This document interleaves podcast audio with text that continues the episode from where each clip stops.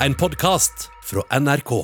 Det temaet vi valgte til debatten denne gangen, er et uh, tema som vi har vurdert i mange uker om vi burde ha, og det sto ganske klart for oss at vi burde det, før eller siden. Uh, og nå var anledningen for så vidt uh, her. Det skal være høring om rusreformen på tirsdag i Stortinget. Det vi har brukt ja, nesten mest tid på i researchen her er, var å finne balansen. Fordi dette er en sak der det er utrolig høye skuldre. Veldig mye står på spill for interessentene. Og det er uh, veldig steile fronter. Så jeg vet at det skal ikke mer enn et feil ordvalg til før uh, man får på pokeren. Det vi merket det også i researchfasen når vi begynte å ringe rundt, at Jungeltelegrafen gikk, og vi fikk telefoner inn her til redaksjonen om at de syns uh, panelet var skeivt. Og det kom fra begge sider. Begge sider mente panelet var skeivt. Så da tror jeg kanskje at vi traff sånn noenlunde. Men det er jo et stort og veldig viktig tema vi tar opp denne gangen rusreformen.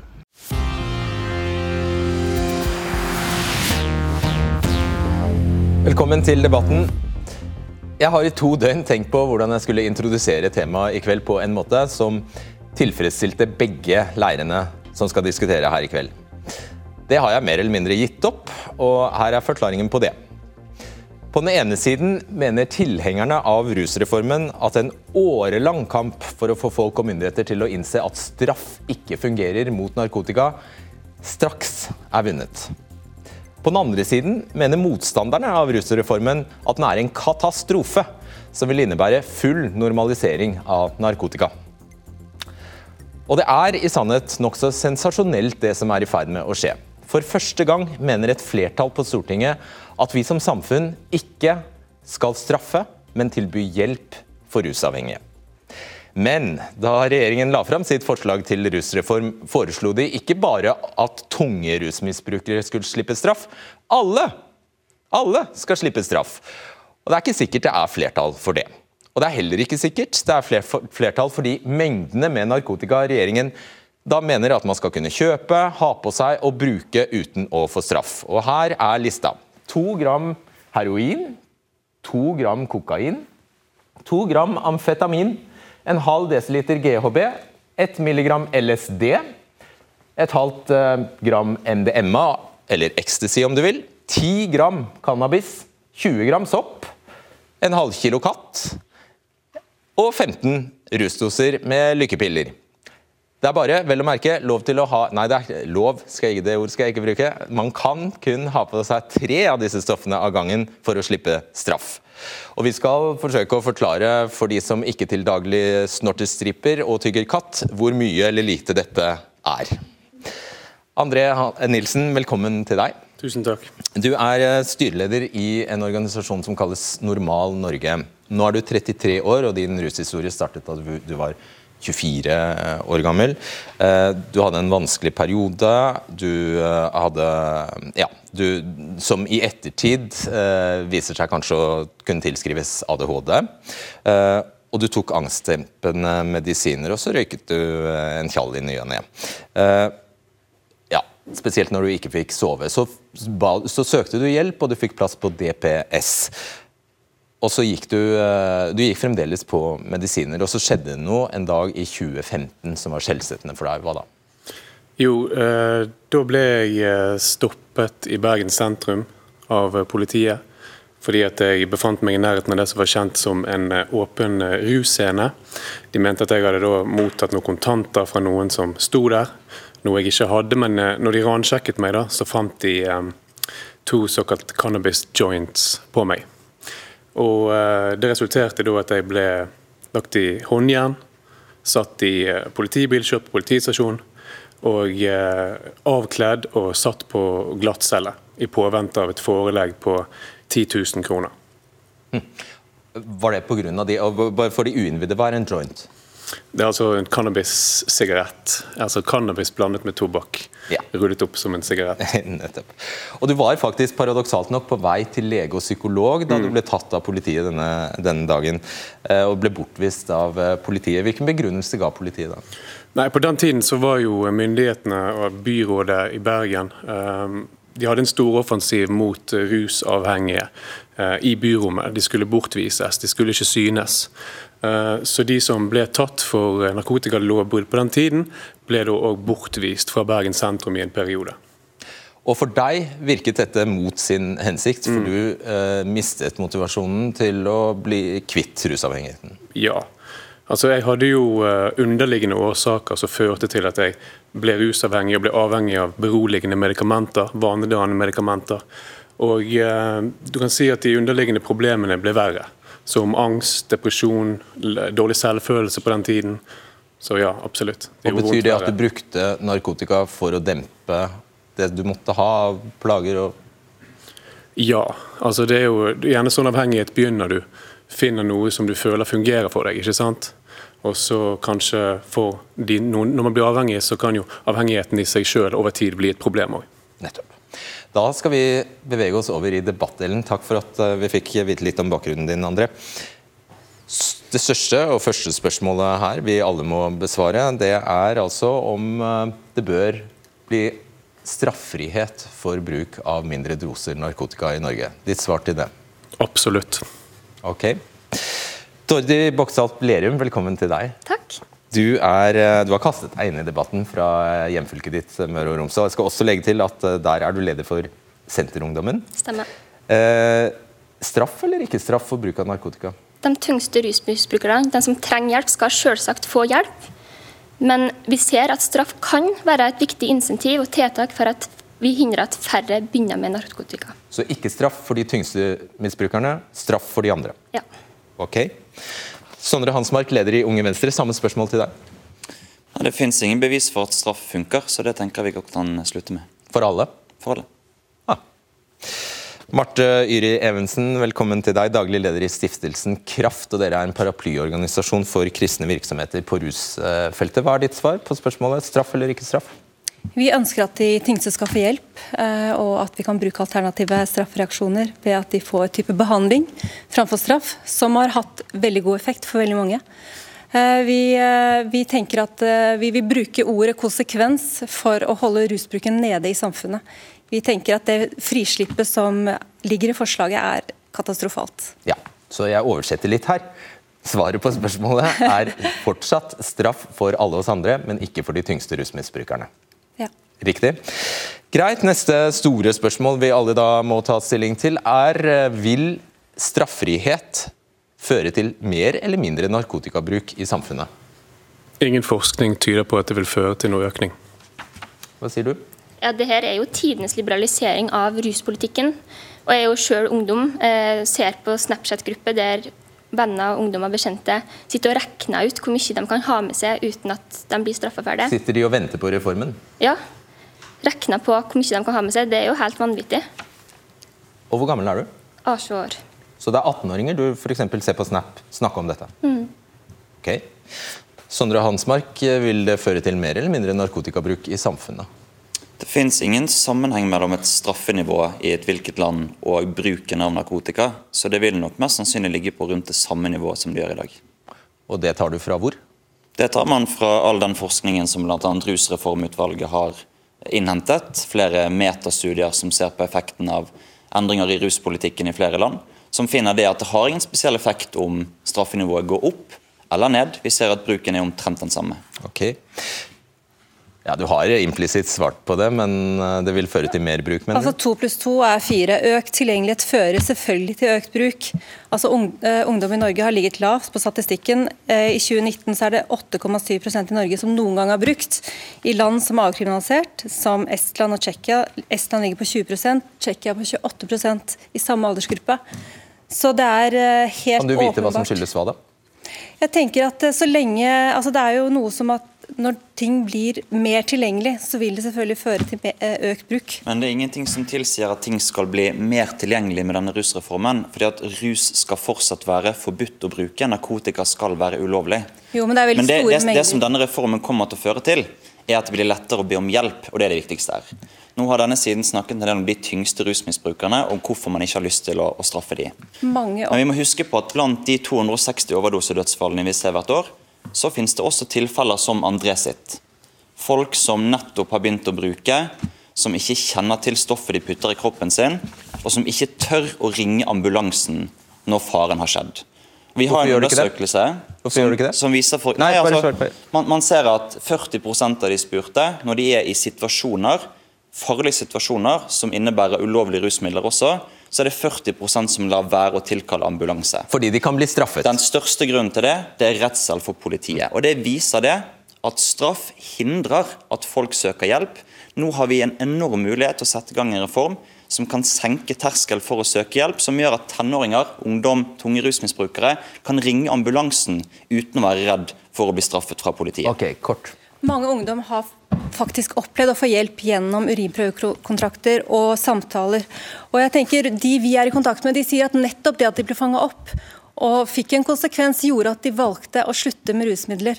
Så det at eh, det vil føre til at eh, færre får hjelp, det er Ok. Den reformen tenker jeg vil føre til at færre får hjelp, fordi der blir det tilfeldig hjelp og ingen konsekvenser, og ikke kompetansekrav for de som skal ha samtaler. Nilsen, vil du kommentere det mens vi tar inn en uh, femtemann her? Ja, altså det Påstanden dine om at ruskontrakter har hjulpet enkelte, blir jo anekdotisk. Man har gjort studier på effekten til ruskontrakter. Ja. Det har offentlige etater gjort. Leder for Norsk Narkotikapolitiforening har skrevet masteroppgave om det, og har ikke funnet at ruskontrakter har noe effekt. Det de gjør, det er at de som er ressurssterke, som havner i disse kontraktene, de klarer seg. Mens de som ikke har samme ressursene, de som har et rusproblem, de klarer ikke å følge disse kontraktene, og blir derfor møtt med straff og stigma. Som jeg sa, vel, vi har fått eh, en ny gjest. Velkommen til deg, Anas eh, Yarari. Du er eh, barne- og ungdomsarbeider på Furuset her i Oslo. Eh, Og du er 19 år. Bare legge til det. Eh, Hvilke konsekvenser av denne reformen mener du man kan få? Jo, Konsekvensene en slik avkriminalisering eh, vil føre til, er at flere unge vil begynne å bli rusbrukere. Og eh, det blir selvfølgelig flere selgere, for markedet blir jo større når det først er eh, greit. Her skal jeg legge til, Det nasjonale statsadvokatembetet er faktisk enig med deg om den siste saken om, om selgere. De mener det er vanskeligere og vil bli vanskeligere å, å pågripe reelle selgere av narkotika hvis dosene blir så store som det vi så her. Men likevel to gram eh, kokain. Da man blir jo ikke akkurat rik på det, så det, jeg hadde kanskje funnet meg noe annet å leve Ja, av. Man blir ikke akkurat rik på det, men du finner sjelden en selger som går rundt med 100 gram i lomma. Eh, Spesielt når han vet at rammen ligger på to gram. Da kan han jo holde seg til rammen når han skal ut og selge. da. Og bare gå og hente mer når han skal selge mer. Så blir han aldri tatt. Og hva, hva, hvordan vil det, en sånn reform påvirke arbeidet ditt? Nei, Det vil jo gjøre jobben vår vanskeligere når vi prøver å veilede ungdom. For vi er jo glad i ungdommene våre og barna våre sånn generelt. Ikke bare våre, men alle ungdom. Vi vil jo ha, vi vil gi dems beste. Og det vil jo gjøre jobben vanskelig når loven sier noe annet. Når loven sier det er greit. Hvordan da? Vær konkret. Ja, hvis eh, du går med to gram heroin eh, på deg, så blir du ikke straffedømt. Så du, Det vil være vanskeligere for deg å si det der bør du ikke holde på med? Ja, Det vil jo bli vanskeligere for ungdommen å lytte på oss da, når loven sier at det er tillatt. For da følger ikke ungdommen at de gjør noe galt. Og hva eh, Deler du den eh, erfaringen som vi hører eh, her fra Dordi, om at eh, ungdom snakker om dette og gleder seg til reformen? Jeg tror dette blir en gavepakke til selgerne. Og ikke minst så blir det flere som har lyst til å prøve når det først har blitt lov. Uh, I min oppvekst, det som holdt meg tilbake, var at det ikke var tillatt. Det er det som fikk, skremte meg bort, og skremte meg uh, gjorde, gjorde slik at jeg ikke fikk lysten til å prøve noe som ikke var tillatt. Men hvis du vokser opp som en ungdom, og du får vite at dette er greit, hvorfor ikke prøve det, da? Vi tar med oss det. uh, Yes. Jarari. Takk skal du ha. Jo, vær så god. Da vil jeg litt til, tilbake til, til deg, Dordi Lerum. Eh, Når ungdom snakker om eh, rusreformen, så du sier de snapper og teller nærmest ned til reformen blir eh, innført. Eh, De er klar over det at det bare er til eget bruk? At de kan ikke, de kan ikke ha fester der dopet flyter? Det, det her er jo tidenes liberalisering av ruspolitikken. Og det jeg tror, og det jeg er redd det jeg ser nå, det er at ungdommer, venner, bekjente til meg tror at det her nå har fått et slags sånn godkjentstempel. Nå er det lov til å røyke hasj på fest, det får ikke noen alvorlige konsekvenser. Eh, og det tror jeg er en veldig veldig uheldig utvikling. da. Nilsen, hva sier du? Det som er veldig viktig å være oppklarende rundt her, er at det er jo ingenting som skal bli lov. Sant? Eh, Og Det finnes aktører i denne debatten som har drevet med misinformering og litt sånn blanding av begreper. Sant? Eh, Politiet skal fortsatt avdekke bruk. Bruk vil fortsatt være forbudt. Og det tror jeg alle Dette er veldig forvirrende. Jeg tror du skal få lov til å oppklare for oss hva forskjellen på lov og forbudt og avkriminalisering og liberalisering er. Hva er det politiet hva, kom- eh, hva, hva er Bare forklar for oss. Ja, altså Nå skal vi flytte reaksjonen på det å bruke ulovlige rusmidler fra justis til helse. Vi skal slutte å straffe ulovlig rusbruk, men vi skal tilby helsehjelp og eh, forpliktende oppfølgingssamtaler til de som blir tatt for eh, befatning. Eller med, i- Så helt konkret, Hva kommer til å skje hvis politiet tar deg idet du står og røyker en joint? De vil konfiskere den, og de vil rapportere det inn til kommunehelsetjenesten, som igjen vil kalle deg inn til et møte, en oppfølgingssamtale, der regjeringen har foreslått et gebyr dersom man ikke møter opp til denne samtalen. Og I den samtalen så vil det bli tilbudt ressurser som helsehjelp, utdanning og arbeidsrettede aktiviteter osv. Det er det som er litt av kjernen her. for Det vi snakker om er problematisk rusbruk blant unge. Og Det som driver unge mot problematisk rusbruk, det er mangel på disse tilbudene. Og Det er det vi skal møte våre unge med i dag. Vi skal slutte å straffe og stigmatisere, og heller tilby hjelp. Svar kort. Politiet og de som jobber med ungdom som begynner med rus, de er òg imot det her. Jeg ringte og talte med lokale lensmann på Tingvoll, Olav, og han er bekymra for det her, fordi han ser at det her får alvorlige konsekvenser nettopp for ungdom og sårbare, sårbare mennesker da, som kan finne på å begynne med rus. Eh, bare kort tilbake til. Du sa jo det ble lov, men han forklarte jo nå det blir jo ikke lov.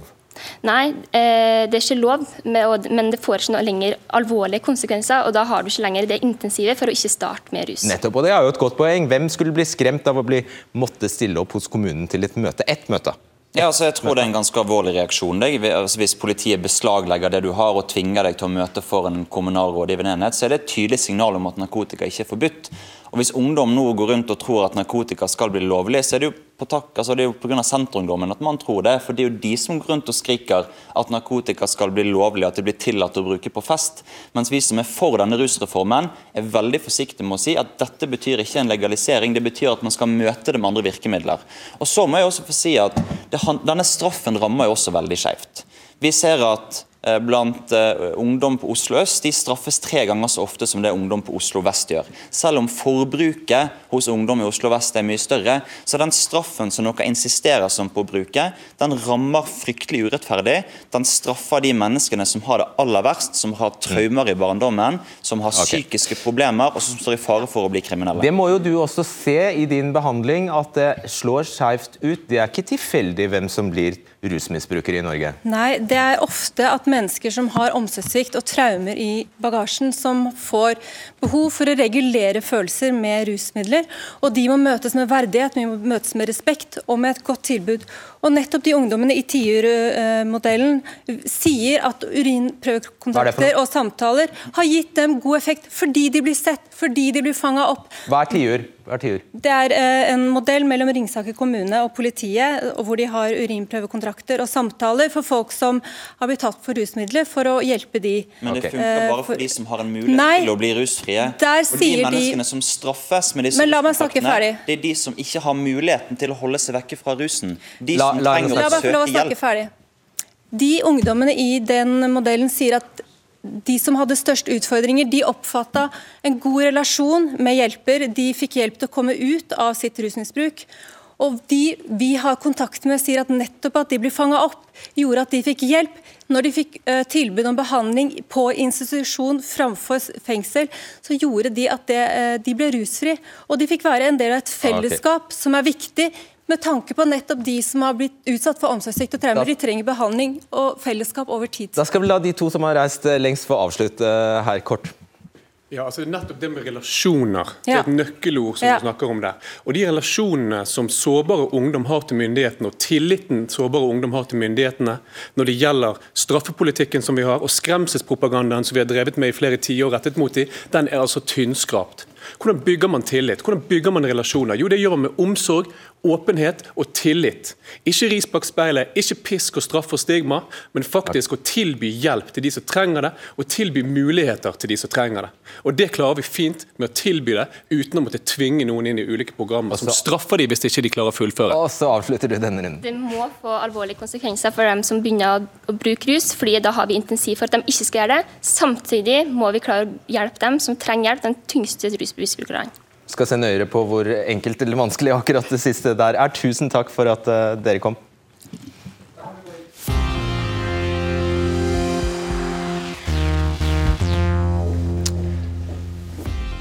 Det er Arbeiderpartiet som kommer til å avgjøre om regjeringen får flertall for reformen. Og Arbeiderpartiet er delt i to. Fra den ene fløyen i Ap sier de at rusreformen er kuppet av partiet Venstre, og at det har blitt en reform for rekreasjonsbrukere. Fra den andre fløyen i Ap sier de at reformen er en revolusjonerende endring i ruspolitikken som Ap må være med på. Og Vi skal straks få inn stakkars Tellef Inge Mørland fra Arbeiderpartiet, som skal prøve å forklare hva partiets politikk er. Men eh, først velkommen til Bent Høie, Trygve Slagsvold Vedum, Anne Karin Svang og Rebekka Lossius. Og Jeg starter med deg, Svang. Du er eh, leder i landsgruppen for hjelpesykepleiere i Norsk Sykepleierforbund. Helsesykepleiere. Eh, eh, Jeg håper jeg sa det. Helsesykepleier heter det nå, ja. Har tidligere jobbet i en årrekke med, som, som helsesykepleier i Ringerike kommune, og med, da med ungdomshelse og rusproblematikk. Og Du frykter at denne rusreformen vil være et dårlig signal til ungdom som vil føre til at de bare bruker mer narkotika? Det gjør jeg. Eh, vi er jo ikke imot rusreformen eh, sånn, sådan sett, men eh, vi, det er en hel del dilemmaer knytta til det som går på den ungdomsbiten. Det er en avansert øvelse å skulle lage én reform som gjelder for alle. Eh, og det er særlig eh, den, at bruk av narkotika kan bli mer sosialt akseptert, som vi eh, ser som den største konsekvensen med det forslaget som er lagt frem. Løper man da av gårde og bruker narkotika bare fordi det er sosialt akseptert? Det er jo ikke tvil om at, eh, at når ting blir sosialt akseptert, så innretter vi oss etter det. Nå er det mye mindre sosialt akseptert å røyke, da er det mange færre som røyker. Jeg tror ikke det er bare helsegevinsten som gjør det. Det er mye mer sosialt akseptert å snuse, og derfor så er det mange flere som gjør det. Sånn at eh, den sosiale aksepten er kjempeviktig. Det er sosialt akseptert å drikke. Et uh, alkoholproblemet, altså al Alkohol koster samfunnet 20 milliarder kroner i året, men alle blir ikke alkoholikere.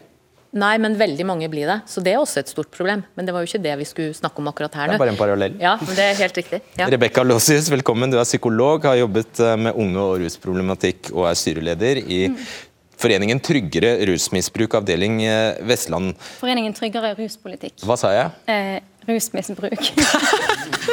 Tryggere rusmisbruk Sa jeg det? ja, men det går fint. Det beklager jeg. Skjønte hva du mente. Uff da. Ja. Ikke tryggere rusmisbruk, nei. Tryggere ruspolitikk. Ja. Uh, Iallfall, du mener det stikk motsatte. Hvorfor? Eh, nei, jeg tenker at vi, vi gjør lurt i å lytte til FNs eh, barnekomité eh, og Verdens helseorganisasjon når de nå anbefaler oss om å slutte å straffe barn som bruker narkotika. Og det er gode faglige grunner til at det er de anbefalingene de kommer med. Eh, Det handler om at eh, veldig mange av de barna som, eh, som bruker rusmidler, de gjør det fordi at de trenger hjelp til å regulere følelsene sine. Og, og Grunnen til at de trenger den hjelpen med å regulere følelsene sine, det handler om at de kommer fra eh, en oppvekst som, som, som innebærer mye vondt. Eh, I de sakene som jeg har jobbet med, så har jeg sett eh, ungdommer som har blitt utsatt for ganske grov og langvarig mobbing på skolen. For eh, kommer fra hjem med fattigdomsproblematikk, eh, sykdom hos foreldre. Ja, altså oppveksttraumer og, og, og overgrep. Og Hva er det da i denne beskrivelsen landets helsesykepleiere for jeg har forstått det sånn at du har hele forbundet i ryggen når du sier det du gjør i kveld. Hva er det dere ikke ser av dette her? Eh, Nå jobber hun med i behandling. Eh, vi jobber helsefremmende og forebyggende. Og vi prøver å unngå at, eh, at, barn skal komme dit der hun er. Det er jo det vi jobber for. Eh, og Da tror vi det er en farlig vei å gå, og, eh, og på en måte ufarliggjøre narkotika. Og Man snakker om rapporter her, men det er en føre-var-rapport fra Trondheim eh, som tydelig viser at det er blitt lavere terskel for å utprøve ulovlige rusmidler. Og De yngste i den rapporten var 12-13 år gammel. Og mange unge der, viser en rapport nå, fikk en forståelse av at narkotika ikke var farlig. Det er litt farlig at vi viser, all forskning som brukes i det her, viser til det som skjer i utlandet. Man kan ikke bare eh, tenke at det kan man oversette til Norge sånn uten videre. For, ja, for det, er Portugal som liksom er, er, merkesteinen her, og som alle viser til. Ja. Portugal som har innført en rusreform som ikke er en blåkopi av den vi har planlagt her, men likevel. Nei, nettopp. Den er ikke en blåkopi, og det er litt av poenget her. Eh, at man kan ikke bare ta deler av det man liker med en, og så plassere i et helt annet land, og så tro at den har samme effekt. Eh, det er litt Det, Det, det, det, det som må tro på julenissen, tenker jeg. Altså Hvis man er 14 år nysgjerrig på stoff, helt uavhengig av sosial bakgrunn, som du egentlig mm. beskriver, for alle har det jo ikke vondt og mm. vanskelig. Hvis man bare er nysgjerrig, tror du ikke det er lettere å, å bare å prøve da hvis det, er, hvis det ikke tilhører noen straff? Jeg tenker at de konsekvensene som kommer med rusreformen, vil oppleves som også ganske alvorlig for en 14 år gammel ungdom som eh, bruker rusmidler. Det å bli eh, pålagt å møte til en rådgivende enhet, og det å, å, å, risikere at du får et gebyr på over 2000 kroner hvis du ikke møter der, så klart så vil det oppleves eh, eh tungt for en 14-åring som bruker eh, rusmidler. Men så tenker jeg òg noe sånn, altså, hva er det vi på en måte egentlig her holder på med? Sånn, vi driver og setter ungdommer på disse her ruskontraktene, eh, der vi, eh, som, som, som, rett og slett er designet for at de som faktisk har et rusproblem, ikke skal klare å, å bestå kontraktene.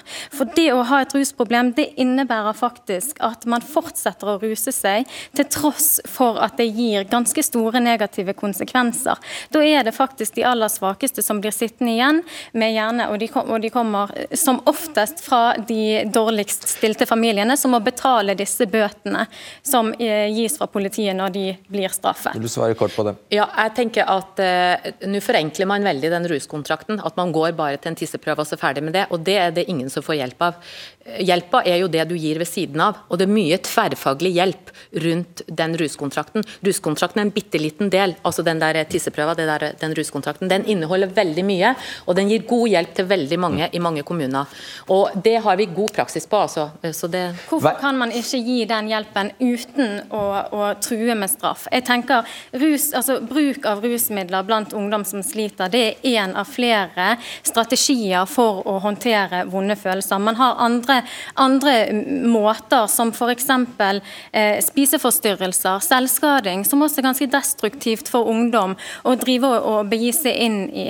Men vi driver ikke der og sier hvis du ikke nå begynner å spise, Lisa, så får du prikker på rullebladet og, og, og bøter. Vi holder jo ikke på sånn mm. når vi skal hjelpe ungdom med å bli frisk og få det bedre i livet sitt. Ok, eh, Jeg har nytt dette, at dere har måttet stå bivåne og ikke kunne si noe som helst i lang, lang tid. Så nå, det, nå, nå er det deres tur, Bent Høie og Trygve Slagsvold eh, Vedum. Eh, velkommen til dere. Hva er, altså, kommer avkriminalisering til å føre til mer eller mindre narkotikabruk i Norge, tror du? Nei, Det kommer ikke til å ha noen betydning på den samla bruken av narkotika. Det er alt kunnskap som vi har på dette området. Tilsier det at straff og straffenivå har ikke betydning for, for, det. Men det det kommer til å bidra til, det er at vi nettopp klarer å hjelpe ikke minst unge som har en begynnende eh, problematikk knytta til rusbruk, at vi når fram. Og Jeg har jo veldig stor tro på, og det er òg det som eh, de som har, jobber med unge sier, det å møte ungdom med tillit, det bygger relasjoner, det er det som er viktig. Og Du bygger ikke tillit ved å true ungdom med å eh, tisse på et glass. Du, hvorfor tror du, for det har vi jo skjønt nå, at det ligger jo et ganske digert ris bak speilet, 2400 kroner i bot. Hvorfor tror du dem likevel? Det handler jo om at du skal ha respekt for at du skal møte et sted. Men hvis du er mindreårig Så nettopp trusler ikke fungerer? Ja, men, det, men det, dette er noe helt annet enn å true ungdom med å tvinge dem til å avgi eh, urinprøver. Med å true dem med at hvis du ikke gjør som vi sier, så får du noe på rulleblad som gjør at du i framtiden ikke kan reise til USA eller ta den utdanningen som du ønsker. Det er reelle trusler Er du mindreårig, så skal du møte sammen med foreldrene dine. Det er ingen unge i Norge som kommer til å oppleve at narkotika verken er greit, akseptert eller lovlig som følge av denne reformen. Mm. Trygve Slagsvold Vedum, du er her fordi du sa noe såpass tabloid som at denne reformen er en gavepakke til gjengene. Hvorfor er det en gavepakke til kriminelle gjenger? Fordi at To gram kan høres lite ut når du ikke kan så mye om f.eks. kokain. Men det offisielle tallet mot unge som prøver narkotika eller kokain første gangen, så er det 80 brukerdoser. Så det Bent Høie og regjeringa nå foreslår, er at en ung gutt, ung jente, kan gå med 80 brukerdoser av kokain på seg. Ja, for, Straffefritt. For, for, alle som ikke er velkjent med hvor mye to gram kokain er, for det, her er det stor uenighet også. Du sier at to gram kokain kan være 80 brukerdoser? Ja, det er den offisielle veiledningstjenesten for ungdom som oppgir det på sin hjemmeside, som er da finansiert av Helsedirektoratet, som er Bent Høie sitt organ. Og så er politiet helt krystallklare. De omtaler det som et gedigent eksperiment. Det er Kripos sin høringsuttalelse. Alle politidistriktene er imot. Politiets Fellesforbund er imot. Politidirektoratet advarer på det sterkeste. Og de skriver rett ut i sin høringsuttalelse de frykter at det blir mer bruk, mer gjenger, mer hvitvasking, mer svartepenger. At vi er en oppskrift for mer problemer. Så jeg synes at Høyre her har en ekstremt naiv holdning. Hvis du avkriminaliserer et produkt f.eks. som kokain, at det da ikke blir mer bruk. Selvfølgelig blir det mer bruk av det. Og alle de tunge politiinstansene snakker imot. Du kan ikke si at det blir det. når det er, Du har absolutt ikke noe kunnskapsgrunnlag. For, for det andre så har jo nettopp regjeringen på bakgrunn av høringen lytta til de kritiske innvendingene. og Derfor har vi jo drastisk redusert det som skal være de straffefrie dosene. Men hjelp oss, hjelp oss, andre til å forstå. Han sier at to gram kokain kan bli 80 brukerdoser. Hvor, hvor mange uker kan du da eh, bruke på å, å, røyke opp 10 gram cannabis? Altså, hvor mye er det? Dette er veldig forskjell fra person til person, avhengig av f.eks. hvor lenge du har vært rusavhengig. Det som er den viktige balansen her, som regjeringen har prøvd å finne, det er å ha så lave doser som er straffri, at vi ikke nettopp legger til rette for mer salg men samtidig ikke kommer i en situasjon der vi fortsetter å straffe de som jeg opplever alle er enige om å straffe, nemlig de som faktisk har et reelt rusproblem. Og Det å selge eh, narkotika det er like ulovlig etter den reformen. og det betyr at Hvis politiet har mistanke om at noen for har mange doser på seg for å selge, så kan de straffe og etterforske det akkurat på samme måte. som Nå har vi et år sett eh, Bent Høie stå av siden av eh, Helsedirektoratet og Folkehelseinstituttet og brukt liksom de faglige rådene for å begrunne ulike tiltak. Og Så leser du da Folkehelseinstituttet sin vurdering av denne reformen. Og hva står det? Det er ikke tilstrekkelig vitenskapelig begrunna. Det er en veldig klar tale fra det instituttet som du stoler på hver dag. Men akkurat når det kommer til denne reformen her, så går det politikk i det. for Dere hadde konkludert før dere satte i gang prosessen. Justisminister Monica Mæland, alle hennes fagorgan har gått sterkt imot det. De tyngste advokatene, Legeforening, Politiets Fellesforbund alle de politifolka, Nesten alle politifolk som jobber med forebygging, er krystallklare. Mens dere i Høyre har gått prestisje fordi dere har samarbeid med Venstre, skal presse gjennom det. og Det er et gedigent eksperiment. og Det er Kripos sine ord. Jeg skjønner ikke at dere tør å gjøre det når det er så mange advarsler. For det er store mengder stoff dere tillater nå at ungdom rundt omkring i Norge okay. skal ha på seg, og jeg mener det er direkte feil, og det er uansvarlig. Svar litt kort, er du Det er utrolig hvor mange ganger Trygve klarer seg i politiet, eh, for det er stort sett de han har å lene seg på. Alle som jobber med de som det faktisk handler om her. Eh, Sykepleierforbundet, eh, Verdens helseorganisasjon, Det internasjonale narkotikakommisjonsbyrået.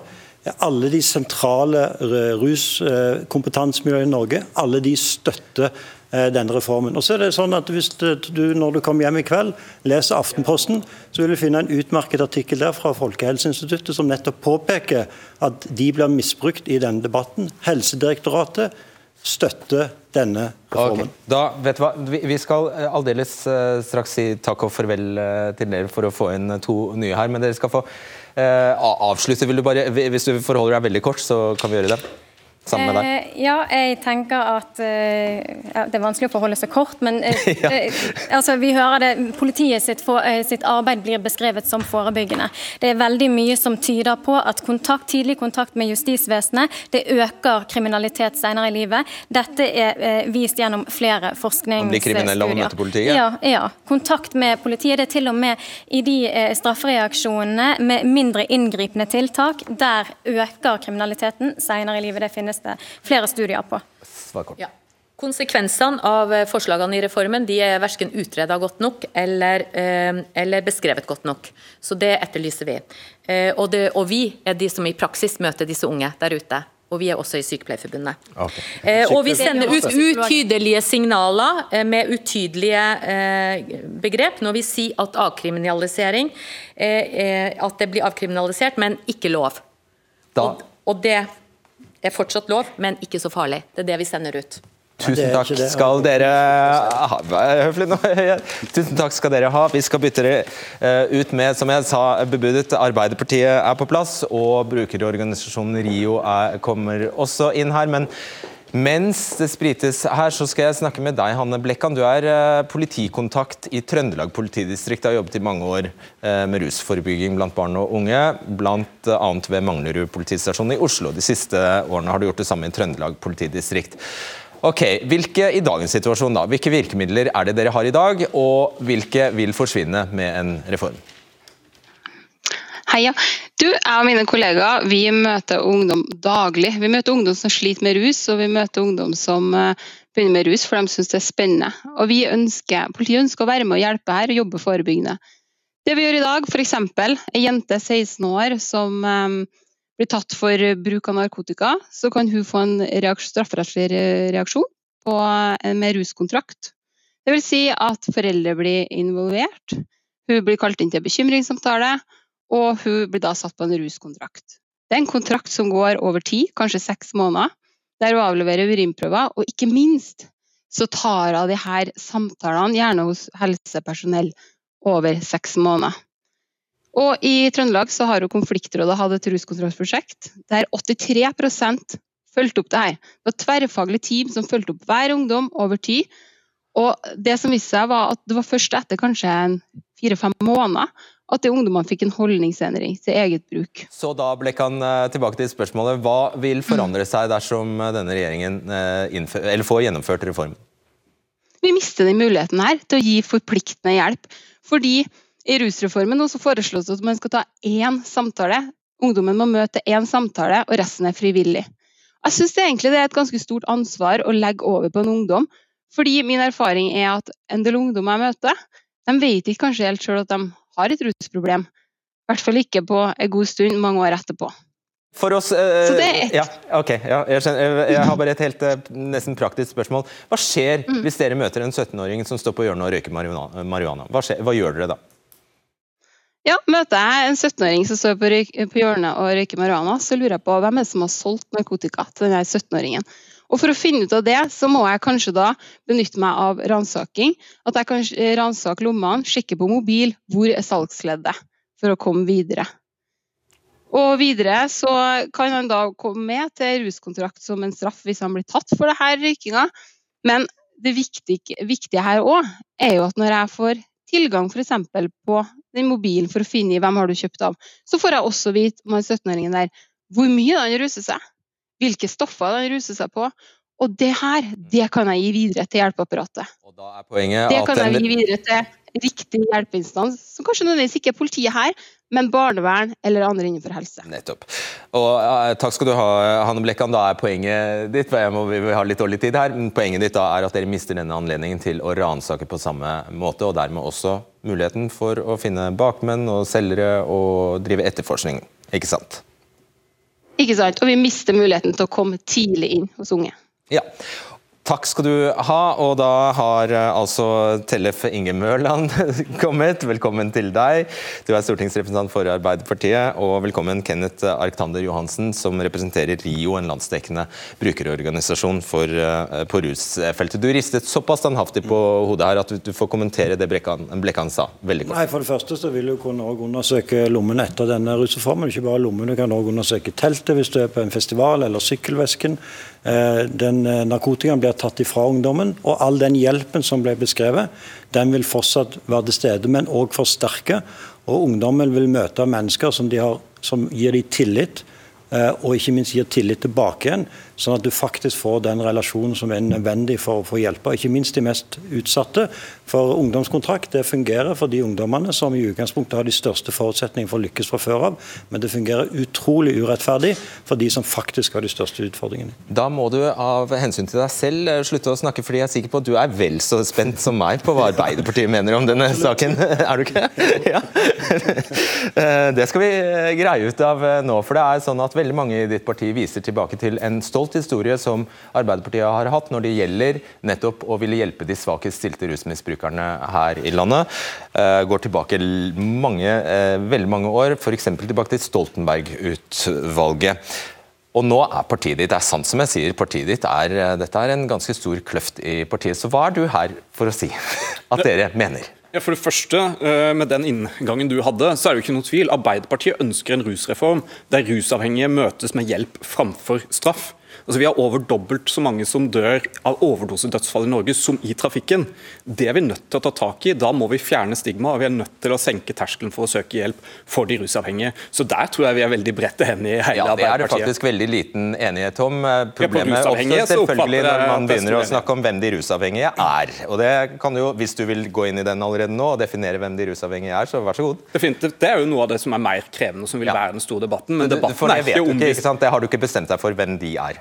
Ja, Det er jo en utfordring som flere har, som òg. Vedum har i sitt, uh, i sitt, partiprogram. Så får vi se hva flertallet vil lande på uh, på landsmøtet. Men jeg er i hvert fall overbevist om at uh, i mitt parti så mener vi at syke folk de ja, blir ikke friske av ei bot. Nettopp fordi men, alle er enige om det, skal vi ikke snakke, snakke om det. Men hva er hvis prinsippet, fordi Det står veldig motstridende ting i Arbeiderpartiets forslag til ut, eller utkastet til partiprogram. Det står både at uh, dere ikke vil avkriminalisere narkotika, men samtidig så mener dere at det er på høy tid å avkriminalisere rusavhengig Nei, det er ikke det som står i programutkastet, men det, dette er sagt av Ingvild Kjerkol. Sånn er det. Hva betyr det? Det er for så vidt Ingvild som Kjerkol som får følge opp, men det betyr jo at narkotika, skal fortsatt, narkotika skal fortsatt være ulovlig. Og Det er det jo brei enighet om. Men samtidig, hvis du er rusavhengig, så skal du da altså ikke oppleve å få straff Eh, for eh, brukerdose til eget, eh, eget, bruk. Men så er vi jo opptatt av som vi har sagt nå om, at vi må ha en sterkere innsats på forebygging enn det regjeringa har lagt fram til. Og vi trenger òg en behandlingsreform, for vi må snakke om hva slags type hjelp skal gis. Eller med han? Jeg trenger vel ikke være enig med noen jo, av de fullt ut. Til slutt må du jo bestemme deg, da. Så. Ja, eller så må de bestemme seg for om de vil støtte vårt forslag. Det kan jo like gjerne være sånn. Eh, og Vi vil kreve at man har et større trykk på det som går på forebygging, det som går på behandling og det som går på å sette kommunen i stand til å ta en stor oppgave som de nå kanskje ikke er godt nok forberedt til. Eh, ja vel. Okay. Ja, altså De får en stor oppgave i denne reformen, og skal det her bli vellykka, så må kommunene ha ressurser og personell til å faktisk gjøre det på en god måte. Jeg, jeg syns ikke det er noe grunn til å uh, prøve å liksom For jeg syns Arbeiderpartiet har gode poenger her. Og Jeg er helt sikker på at vi kan i Stortinget sammen bli enige om de sidene av denne reformen. For Jeg oppfatter at vi er enige om det som er det helt grunnleggende, nemlig at den stigmatiseringen som dagens straff fører til, ikke bare for de som er rusavhengige, men òg for ungdom, den virker negativt for vår mulighet til å hjelpe.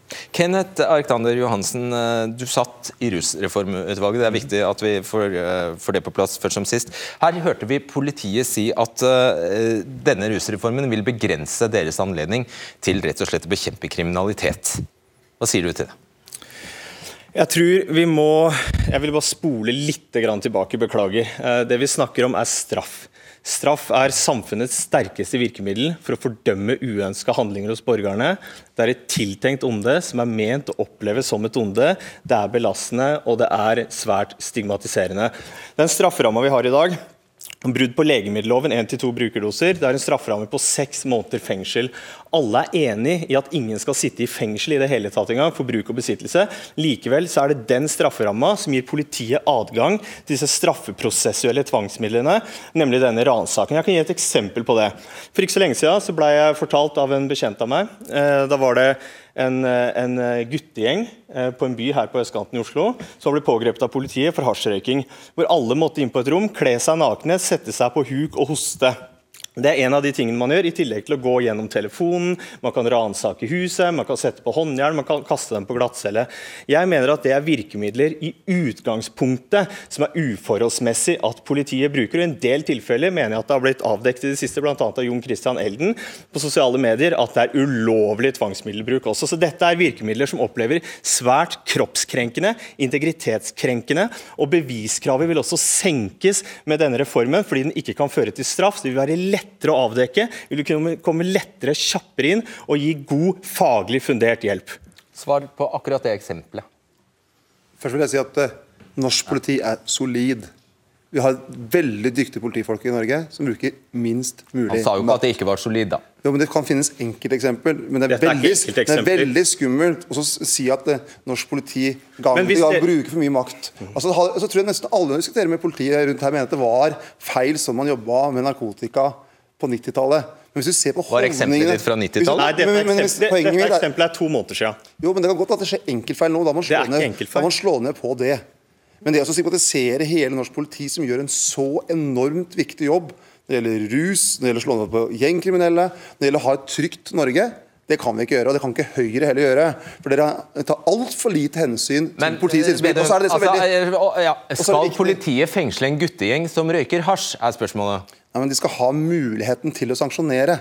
For hvis vi gjør det men, motsatte nå Nei, men, sa du nå. Hva, hva betyr det? Poenget er jo det er om å gjøre å minst mulig straff.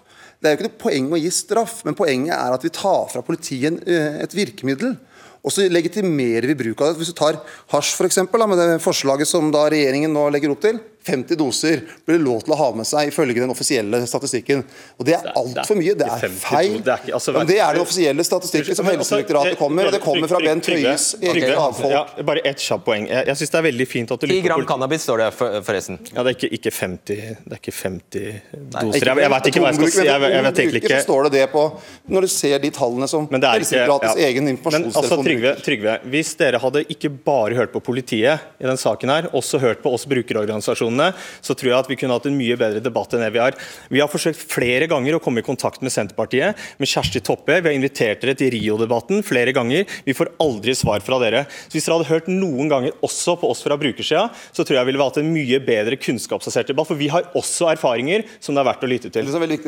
Vi vil vi har fremmet forslag i Stortinget om at tunge rusmisbrukere ikke skal straffes. For Det mener jeg er feil. Det er et helt feil signal at man skal si at all rusbruk mm. er greit. For det er det som i praksis blir signalet når man skal avkriminalisere rusbruken eh, i bred fjøl, sånn som Høyre nå legger opp til, på tvers av veldig tunge faglige råd. Det er ingenting i denne rusreformen Trygve, som gjør narkotika greit i Norge. Det er ulovlig. Det er ingen ungdommer som vil oppleve at det er greit med hasj når politiet stopper deg på gata, tar det fra deg, pålegger deg til møte på en enhet. At Det er ikke et sted i Norge der du kan kjøpe det ulovlig. At de som selger straffer på samme stramme måte ja, Men du avkriminaliserer jo for alle.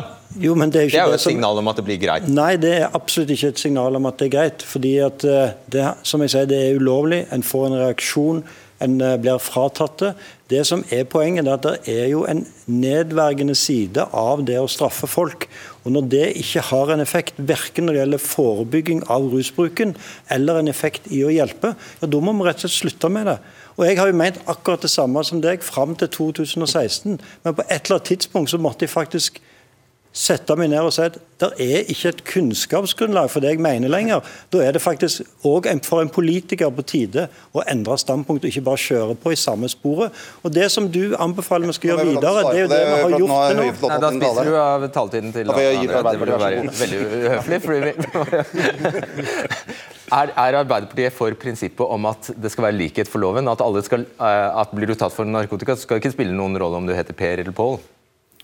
Det er jo et av de krevende spørsmåla. Og I denne saken ja. så tror jeg det er farlig å være så skråsikker som enkelte er. Vi skal ha en høring til tirsdag.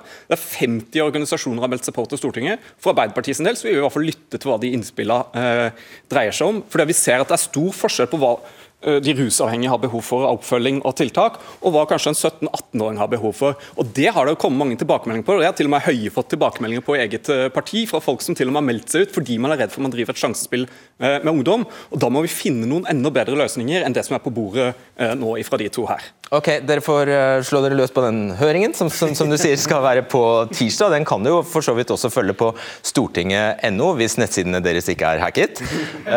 Det kan du gjøre samme dag som du kan se debatten på kveldstid, som byr på et helt nytt tema da. Takk for at du ser på. Vi ses. Jeg tror vi greide å opprettholde balansen her, og at eh, det ikke ble veldig skjevt. Eh, jeg skjønner hvis Arbeiderpartiet syns at jeg var i vel uh, i overkant uh, harselerende og flåsete med Tellef Mørland.